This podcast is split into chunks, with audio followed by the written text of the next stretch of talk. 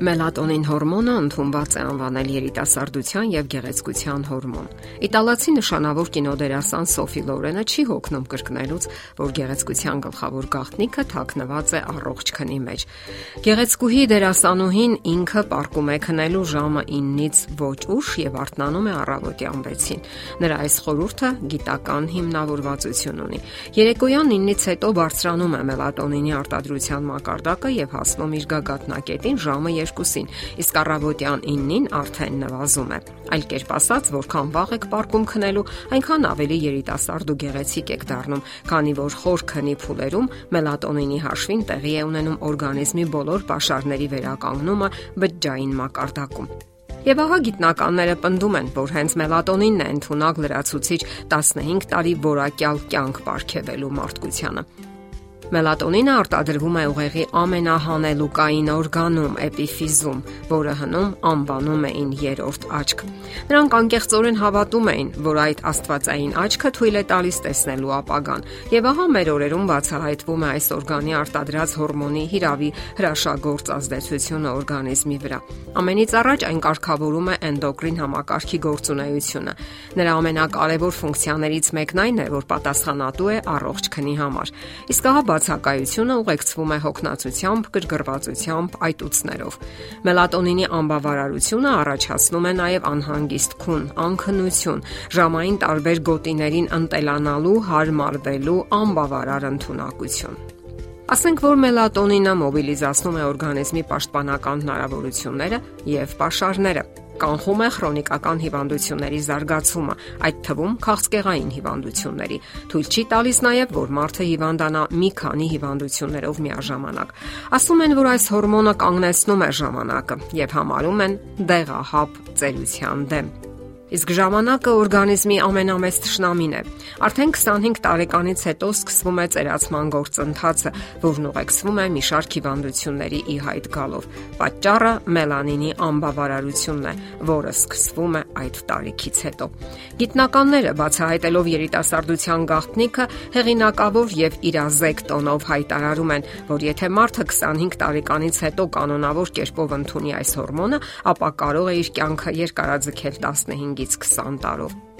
Ընդ որում, որ պակաս կարևոր չէ առանց քրոնիկական հիվանդությունների եւ ծերունական հոգնածության։ Եվ ահա ամերիկացիները չեն հապաղել օգտվել գիտական այս հետաքրքիր նորություններից եւ արդեն այսօր կանոնավոր կերպով քնելուց առաջ ընդունում են մելատոնինի հաբը որպես դեղամիջոց ծերության դեմ։ Տեսնենք ուրիշ ինչ առավելություններ ունի այս հրաշագործ հորմոնը։ Նշենք նաև մի քանիսը։ Այս հորմոնն ուժեղացնում է իմունային համակարգը, կարգավորում է արյան ճնշումը, բարձրացնում է տրամադրությունը եւ հոգեկան վիճակը։ Ունի հակասթրեսային ազդեցություն, ինչը շատ կարեւոր է ժամանակակից մարդու համար։ Վերացնում է գլխացավերի որոշ տեսակներ։ Իսպանական եւ կանադական ինստիտուտներում կատարված հետազոտությունները ցույց են տվել, որ մելատոնինի հավելումները նպաստում են ոսկորների ամրապնդմանը։ Այս հորմոնն օգտագործում են նաեւ մարզական աշխարհում, որովհետեւ վերացնում է թթված միջանցքային սթրեսը մարզումներից հետո բարելավում է քունը եւ արագացնում է վերականգնողական գործընթացները։ Ասենք որ մելատոնինի արտադրության համար բոլորովին էլ պարտադիր չէ բազմազան հաբեր կուլ տալը։ Բնությունն ինքը հոգացել է այդ մասին։ Գոյություն ունեն པարս կանոններ, որոնց հարկավոր է հետևել եւ որոնք կօգնեն օրգանիզմին, որպիսի ստանա այդ հորմոնը եւ մարդն էլ իրեն բավականաչափ առույգ ու կենսունակ կզգա դիմագրավելու թե տարիքին, թե կուտակվող հոգնությանը։ Ամենից առաջ հարկավոր է կարգավորել քնի եւ հանգստի parberakanությունը։ Հանգստանալ ու քնել ժամանակին։ Ձգտեք քնել ժամը 10-ից ոչ ուշ մեր օրյա կյանքի ռիթմը անընդհատ խանգարում է դրան, եւ շատերը պարկում են քնելու 12-ից հետո եւ ավելի ուշ։ Դրան նպաստում են թե հեռուստացույցը, թե համակարգիչը, թե ընկերական հավաքները եւ շատ ու շատ այլ պատճառներ։ Վիճակագրությունը վկայում է, որ այն մարդիկ, ովքեր աշխատում են գիշերային հերթափոխով, երկու անգամ ավելի շատ հավանականություն ունեն վաստակելու հիպերտոնիա հիվանդությունը։ Պատճառը հասկանալի է Նրանց մոտ խախտված է մելատոնինի արտադրությունը։ Ուրեմն հիշենք,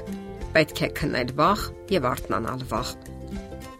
Կարևոր է նաև հավասարակշռված եւ ճիշտ սնունդը։ Շեշտը դրեք այսպես կոչված դանդաղ ածխաջրատների վրա։ Դրանք են կարտոֆիլը, սոյան, բադրիջանը եւ այլն։ Այս մթերքները նպաստում են մելատոնինի արտադրությանը։ Կան նաեւ այլ մթերքներ, որոնք հարուստ են մելատոնինով։ Ահա այդ մթերքները՝ թռչնի միս, ձուկ, գարի, վարսակ, եգիպտացորեն, բրինձ եւ իհարկե մրգեր ու բանջարեղեն։ Աշխատեք, որ ձեր քունը առողջ եւ խոր լինի։